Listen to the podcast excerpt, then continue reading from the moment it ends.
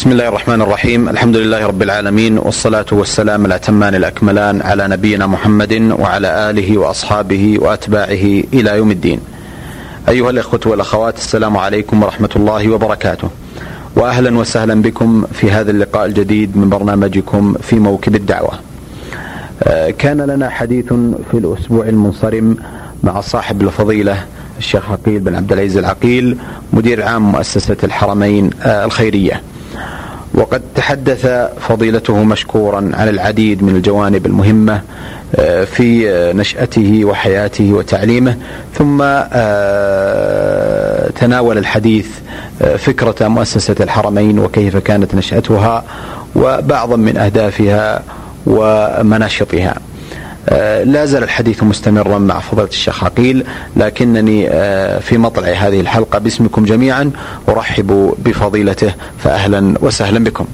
حياكم الله بارك الله آه، شيخ عقيل الحقيقة من من الأشياء التي أحب أن أقدمها بين يديكم في هذا اللقاء.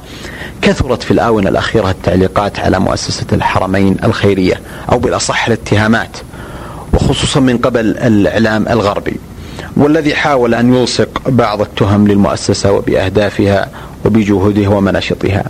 يا ترى ما هي الأسباب من وراء هذه الحملة؟ وكيف كان رد فعل المؤسسة على ذلك؟ بسم الله الحمد لله والصلاة والسلام على رسول الله. الواقع يا أخي, يا أخي الكريم آه، بأن الهجوم ليس هجوما على المؤسسة وإنما هو هجوم على المملكة العربية السعودية باعتبارها معقل الإسلام ومهبط الوحي آه، وقبلة المسلمين. وأنت تسمع هذه الأيام آه، الهجوم على المملكة من حيث ما يسمى عندهم بحقوق الإنسان والذي آه، يستهدفون فيه نقد الشريعة الإسلامية الغراء والتي تتميز بها بلادنا ولله الحمد بتطبيق الحدود الشرعية والتي نعتقد أنها آه، سمة مباركة تتميز بها هذه البلاد ونسأل الله سبحانه وتعالى آه، أن يثبتنا ويثبت ولاة أمورنا على هذا المنهج السليم منهج شريعة محمد صلى الله عليه وسلم آه، ولا أقول لهؤلاء إلا آه، كما قال الله سبحانه وتعالى قل موتوا بغيظكم. آه، الحقيقة المؤسسة أيضا تعرضت لبعض الاتهامات نظرا لما تتميز به ولله الحمد من جدية في الميدان ولما ظهر من آثارها المباركة في الدعوة إلى الله في أكثر من 52 دولة في العالم. وقد آه، اتهمنا آه، نساند ما تذهب إليه حكومتنا الرشيدة في مكافحة الإرهاب. ونعتقد أنه لا إرهاب مع الإسلام ولا إسلام مع الإرهاب. فالإسلام هو دين السماحة ودين اللطف ودين الدعوة بالحكمة ولا يتماشى أبدا مع القتل والتفجير. فهذا في واد وذاك في واد آخر. إلا أنها تهم ولله الحمد قد تمكنا بفضل الله سبحانه وتعالى من رد هذه التهم وإظهار الحقيقة وأؤكد يعني من هذا المنبر المبارك الإذاعة السعودية بأن المؤسسة ولله الحمد تسير آه، على منهج آه، واضح تستنير كثيرا بآراء علماء الأمة ولا نصدر إلا عن رأيهم وليس للمؤسسة ولله الحمد أي علاقة بالإرهاب أو الإرهابيين. نعم. أحسنتم وأثابكم الله، لكن ما قصة القضية التي كانت في أمريكا وكسبتها المؤسسة ضد نعم. القصة أنه آه، عندما آه، تبدأ عندما آه، تم الانفجار الذي أصاب سفارة الولايات المتحدة الأمريكية في نيروبي وفي دار السلام في يوم واحد وقتل على إثره مجموعة من الناس وكان للمؤسسة مكتب في نيروبي وكذلك في دار السلام. ففوجئنا بأن حكومة كينيا تتهمنا بالمشاركة في هذا التفجير أو بإدخال في الواقع. اتهام كان بإدخال المواد المتفجرة إلى البلاد. وقالوا في ذلك الوقت بأن هذا الاتهام مبني على تقرير من الاستخبارات الأمريكية. والحقيقة أننا فوجئنا بهذا وعلى إثره أقفلت مكاتب المؤسسة في نيروبي وفي دار السلام كذلك. ثم سلكنا الطرق النظامية فعينا محامين بالتعاون مع بعض المؤسسات السعودية الأخرى التي أيضا اتهمت بتواطئها في هذا الموضوع وهي هيئة الإغاثة ورابط العالم الإسلامي ومؤسسة إبراهيم الخيرية. فاجتمعنا وعينا عدد من المحامين وكذلك الشارع المسلم هناك وقف مع قضيتنا فصارت هناك بعض الضغوط ثم بقيت القضية في المحكمة لبعض الوقت والحمد لله ظهرت براءة المؤسسة من هذا الأمر وقدم لنا لنا اعتذار شفهي من أحد المسؤولين الكبار وأعيد فتح مكتب المؤسسة في نيروبي وفي دار السلام. ولكن بقيت تداعيات هذا الحدث فأنتجت محطة بوستون TV في أمريكا برنامجا اسمه Discovery أي المكتشف. أصدرت برنامجا خاصا عن أسامة بن لادن. وأظهرت فيه شعارات المؤسسة وأوحت إلى المشاهد بأن هذه المؤسسة ممن يدعم أسامة بن لادن. وطبعا نحن من هذا براء ونحن في الواقع يعني لا نوافق أسامة بن لادن على ما يفعل من أعمال مشينة قد تسيء في الواقع إلى الإسلام أكثر مما تحسن بل ليس فيها للإسلام والمسلمين إحسان ولا تخدم الدعوة إلى الله سبحانه وتعالى. فرفعنا دعوة على هذه المحطة. والحمد لله كسبنا القضية بأن صار هناك صلح بيننا وبين هذه المحطة. عمل خارج المحكمة وهو أن تسحب هذه المحطة. هذا البرنامج من جميع المحطات التي وزع فيها ومن الأسواق. وأن تنتج برنامج آخر يتحدث عن مناشط المؤسسة الخيرية والإنسانية. وأن تقدم لنا اعتذارا مكتوبا عبر شبكة الإنترنت وموقع موقع هذه المحطة على الإنترنت وتم هذا بفضل الله سبحانه وتعالى وكسبنا القضية وصار لها مردود طيب أيضا في أوساط المسلمين في أمريكا حيث أن بعض المؤسسات التي قد تتعرض إلى مثل هذا الآن قد تضمن إن شاء الله أنها يعني لا تتعرض لمثل هذه الاتهامات ويعرف أن هذه المؤسسات لن تسكت وأنها ستحذو حذو المؤسسة في إقامة الدعوة ضد هؤلاء المرجفين والمبطلين. أحسنتم أثابكم الله. شيخ عقيل أشرتم في ثنايا حديثكم السابق إلى النقلة النوعية التي حظيت بها المؤسسة. وسجلتها في الآونة الأخيرة هل ممكن أن نستمع إلى أبرز تفاصيل هذه النقلة التي شهدتها؟ الواقع أن هذه النقلة التي أشرت إليها كانت عندما رأى ولاة الأمر وفقهم الله إسناد الإشراف على هذه المؤسسة إلى معالي الشيخ صالح بن عبد العزيز آل الشيخ وزير الشؤون الإسلامية والأوقاف والدعوة والإرشاد وهو رجل غني عن التعريف فهو أحد علماء الأمة المشهود لهم بالتبحر في العلوم الشرعية منذ نعومة أظفاره وفقه الله إضافة إلى آه، ما يمتلك من خبرة آه، في آه، مجالات الدعوة والشباب. فأسند إليه إلى معاليه الإشراف على هذه المؤسسة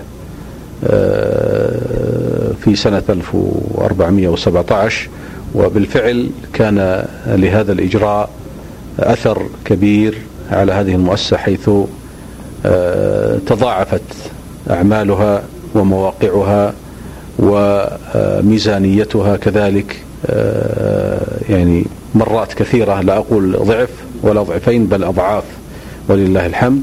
ولا تزال تخطو خطوات حثيثة وواسعة وبتوجيهات معاليه.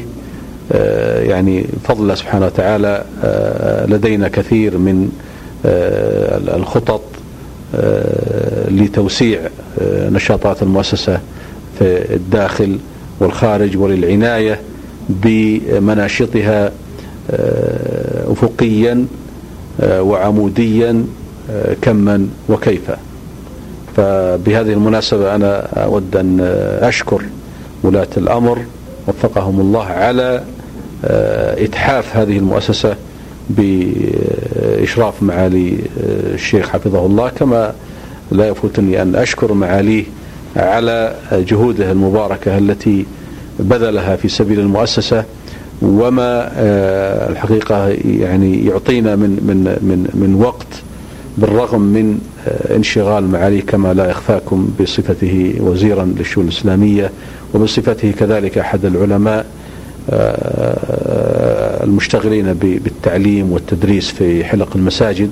ولكن مع ذلك فإننا نحصل من معاليه على آه، وقت آه، ليس بالقليل يعني يتحفنا فيه دائما بتوجيهاته وآرائه. جزاه الله خيرا. الله. شيخ عقيل هناك من يقول إن الجانب الإعلامي في المؤسسة جانب مهمل أو مهمش.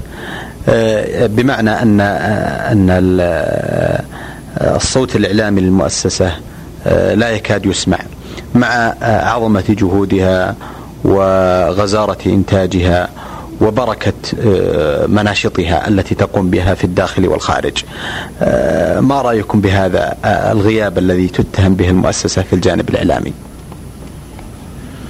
الواقع يا أخي الكريم بأن العبرة هي في بالنتائج. وأنا بودي أن أشير في آه، هذه المناسبة إلى أن هناك كثير من الإخوة آه، يطرحون هذه القضية آه، فيركزون على الوسائل دون الغايات. وأنا بودي أن يكون التركيز على الغاية. المهم ماذا أنتجت وكيف أنتجت وما هي النتائج التي توصلت إليها؟ وليس العبرة آه، بالإعلام أو بالمفرقعات الإعلامية إن صح التعبير. أنا لا أغفل شأن الإعلام بطبيعة الحال فهو أمر مهم. ولكن أيضا المبالغة آه، في رأيي في مسألة الإعلام أيضا قد تتنافى شيئا ما مع آه، مع الشرع الحقيقة لأن الأصل في عملنا أنه عمل خيري احتسابي. وأنه يراد به وجه الله سبحانه وتعالى ويجب أن لا تتعدى الجهود الإعلامية آه، مرحلة إطلاع المتبرعين على آه، الجهود التي عملت بأموالهم النتائج التي أثمرتها تبرعاتهم. أما المبالغة في في هذا الجانب فإنني لا أراها. وعلى كل حال الإعلام آه، جزء من مناشط المؤسسة سيتطور تلقائيا آه، مع تطور المؤسسة ويكبر مع كبرها بإذن الله تعالى أحسنتم شيخ عقيل. آه، شيخ عقيل آه، بودي أن نستمع منكم إلى آه، يعني أبرز الجهود والنجاحات التي قدمتها المؤسسة خلال فترة عملها بدءا من إنشائها إلى الآن. لعل من المفيد قبل أن أذكر لك أبرز الإنجازات أن أشير إلى أهم الأهداف التي تسعى المؤسسة إلى تحقيقها. فقد وضعنا أربعة أهداف أساسية. الأول ترسيخ العقيدة الصحيحة في قلوب المسلمين المستمدة من الكتاب والسنة. الثاني نشر العلم الشرعي وتسهيل طلبه في المجتمعات الإسلامية. الثالث التركيز على تعليم السنة الصحيحة وبيان أهميتها في فهم العقيدة والعبادة والسلوك. الرابع المسارعة إلى إغاثة المسلمين عند نزول الكوارث والنكبات مع الاستفادة من الإغاثة المادية في إحياء الإيمان في القلوب وغرس العلم في الصدور بإذن الله تعالى. هذه أهم الأهداف التي تسعى المؤسسة إلى تحقيقها وقد تحقق ولله الحمد عدد من الإنجازات. لعلي أذكر أبرزها وإلا فلا أظن أن وقت البرنامج يسمح بالسرد الطويل لهذه الإنجازات. لكن آه، فيما يتعلق في المساجد مثلا قد تم بناء أكثر من ألف مسجد ومركز إسلامي داخل المملكة وخارجها ولله الحمد. بالنسبة للأيتام آه، تعدى عدد الأيتام المكفولين أكثر من ستة آلاف يتيم. يؤمن لهم المأوى والمطعم والملبس والعلاج والتعليم. وهنا أحب أن أشير إلى آه، أن الكفالة كما أفاد آه، فضيلة الشيخ محمد بن صالح الثمين في أحد فتاويه المعتبرة هي هي الكفالة التي ينتقل فيها اليتيم إلى بيت آه، يقدم تقدم له فيه آه، هذه الأشياء التي ذكرتها ولا يكفي أن آه، يعطى تعطى أسرة اليتيم مساعدة. فهذا وإن كان يعني مطلب شرعي وفيه خير إلا أنه لا يعتبر من الكفالة المعنية بقول النبي صلى الله عليه وسلم أنا وكافل اليتيم كهاتين كما لا يخفى. عندنا أكثر من ثلاثة ألاف داعية ومعلم في أنحاء العالم آه، تكفلهم المؤسسة وتصرف رواتبهم شهريا وتتابع نشاطهم. آه، لدينا أكثر من ثلاثين ألف طالب في المدارس النظامية ومدارس تحفيظ القرآن في أنحاء العالم. طبعنا أكثر من 12 مليون كتاب ورسالة وزعت ولله الحمد في أنحاء العالم. آه، أرسلنا أكثر من 300 ألف رسالة بريدية دعوية وطرد بريدي للدعوة إلى الله سبحانه وتعالى. آه، قدمنا حتى الآن أكثر من 25 مليون وجبة إفطار صائم في مختلف أنحاء العالم.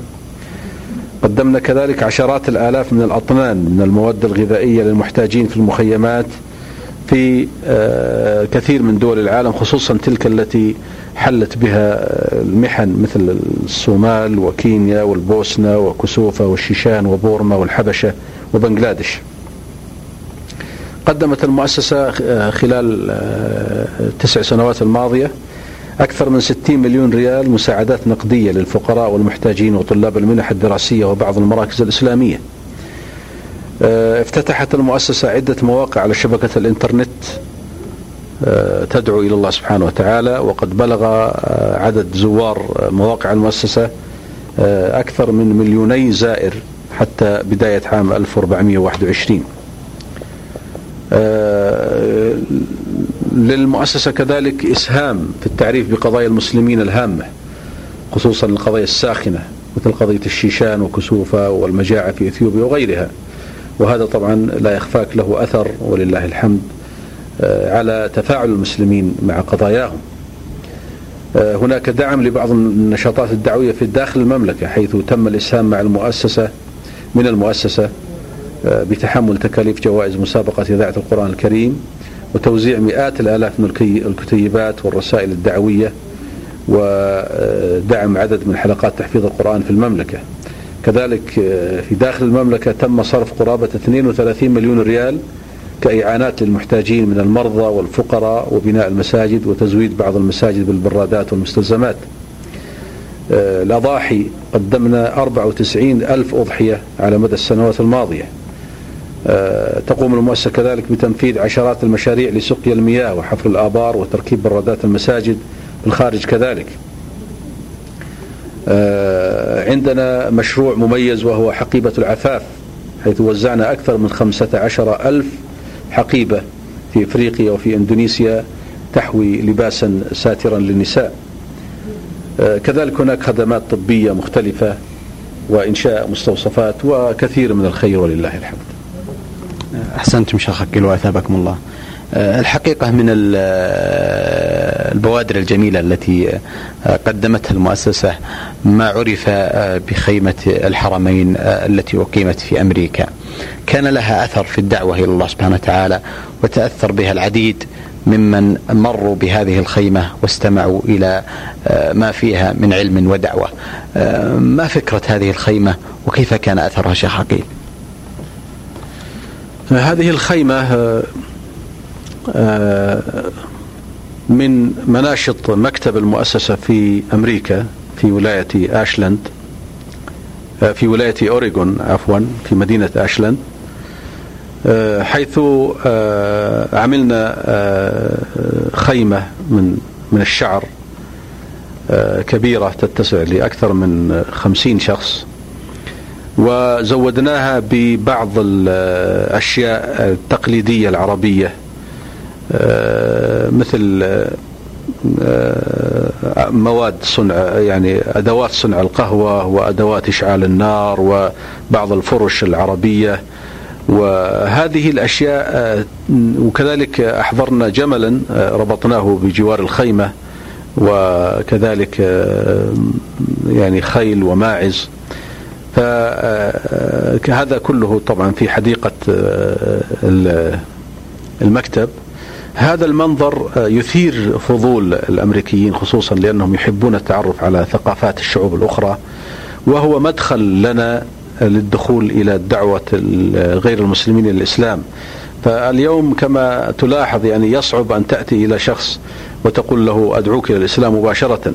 ولكن يأتي هؤلاء الناس ليروا هذه الخيمة ويشربوا القهوة العربية مع بعض التمر وبعض الحلويات العربية. ثم يبدأ المحاضر بالتعريف بشخصية النبي صلى الله عليه وسلم شيئا فشيئا حتى يبرز جوانب العظمة في شخصيته صلى الله عليه وسلم فيثير تساؤلات لدى الحاضرين يبدأون بالسؤال شيئا فشيئا حتى يبدأوا يسألوا عن الإسلام ثم يخرجوا ومعهم بعض النشرات عن الإسلام وكثير ولله الحمد منهم يسلم بهذا الأسلوب. وهو أسلوب مميز. وقد لما رأينا نجاح هذا الأسلوب عممنا هذه الخيمة فجعلنا هناك خيمة متنقلة واحدة ثابتة وأخرى متنقلة تنصب في المتنزهات العامة والحدائق وسوف يعمم إن شاء الله هذا المنشط في أنحاء أمريكا وربما في أوروبا في المستقبل إن شاء الله. إن شاء الله تعالى. شيخ عقيل الحقيقة هناك من يقول إن تعدد الجمعيات والمؤسسات الخيرية العاملة قد هذا يقلل أو يضعف العمل الخيري والدعوي والإغاثي. وهناك من يرى وجهة نظر أخرى بأن التعدد هذا مفيد ونافع. الحقيقة المؤسسة بودي أن وجهة نظركم في هذا الموضوع. وما هو الدور الذي يمكن أن تقوم به المؤسسة في هذا الجانب؟ وهل من الممكن زيادة أفرع يعني للمؤسسة تكون بحجم النشاط الذي يقوم به الفرع الرئيس في مدينة الرياض؟ الواقع أن أنني أنا لست مع هذا القول. أنا أرى أن الساحة واسعة وأن لا نزال بحاجة إلى مؤسسات خيرية. كثيرة تعمل في أنحاء العالم ويكفي أن تعلم أن هناك أكثر من ثمانية آلاف مؤسسة نصرانية تعمل في أنحاء العالم. فلو يعني عددنا المؤسسات الإسلامية ما وجدناها في تقديري تزيد عن المئات أو لربما العشرات. إذا فنحن مطالبون بإنشاء مؤسسات يكون لها بعض التخصص. لكن لا يمنع أن تكون عدة مؤسسات تعمل تحت مرجعية واحدة أو مؤسسة كبرى واحدة. فهذا يضمن لنا التنسيق. سؤالك الشق الثاني. شيخ عقيل ميزانية المؤسسة. الشق الآخر هل في النية يعني افتتاح أفرع يعني قوية للمؤسسة تقوم بحجم المناشط الذي يقوم فيه الرئيس في الرياض؟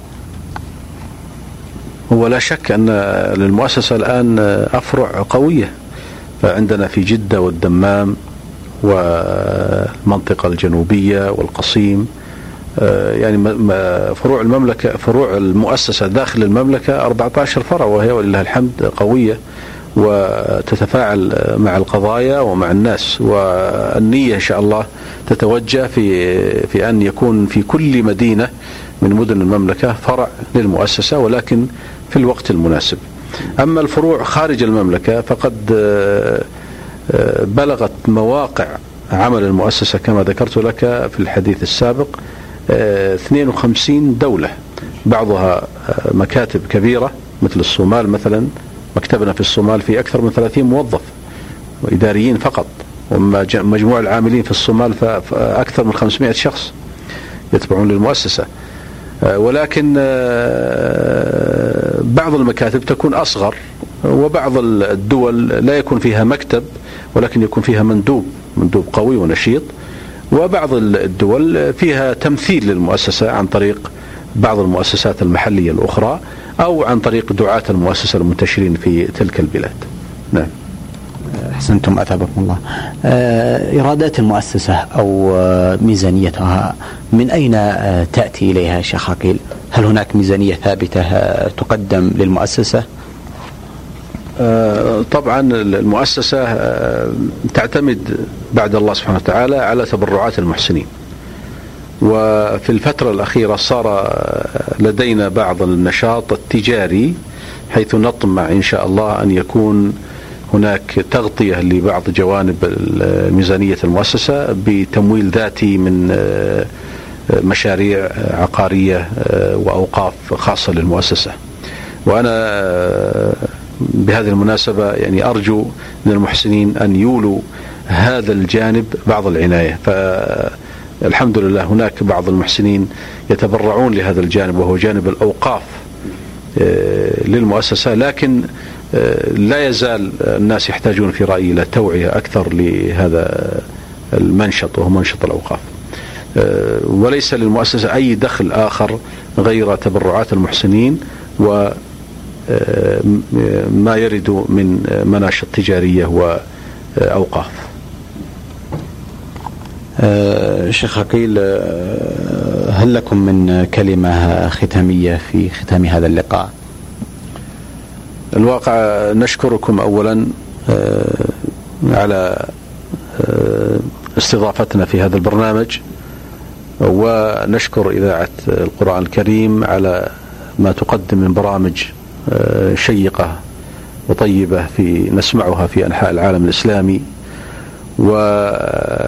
وكذلك بهذه المناسبة أدعو المحسنين وأدعو الشباب والدعاة إلى الوقوف مع العمل الخيري سواء كان من خلال مؤسسة الحرمين الخيرية أو غيرها من المؤسسات الكثيرة الموجودة في بلادنا ولله الحمد. وأرجو أن يكون هناك تفاعل أكثر وعطاء أكثر فبلادنا ولله الحمد يد عليا آه، تحنو على المسلمين في كل مكان ونرجو آه، أن يستمر عطاء المملكة للمسلمين في كل مكان. ولعل الله سبحانه وتعالى أن يدفع عنا بذلك البلاء وأن يوفق بلادنا لتكون دائما موئلا للخير وأهل الخير. وجزاكم الله خيرا. والسلام عليكم ورحمة الله وبركاته.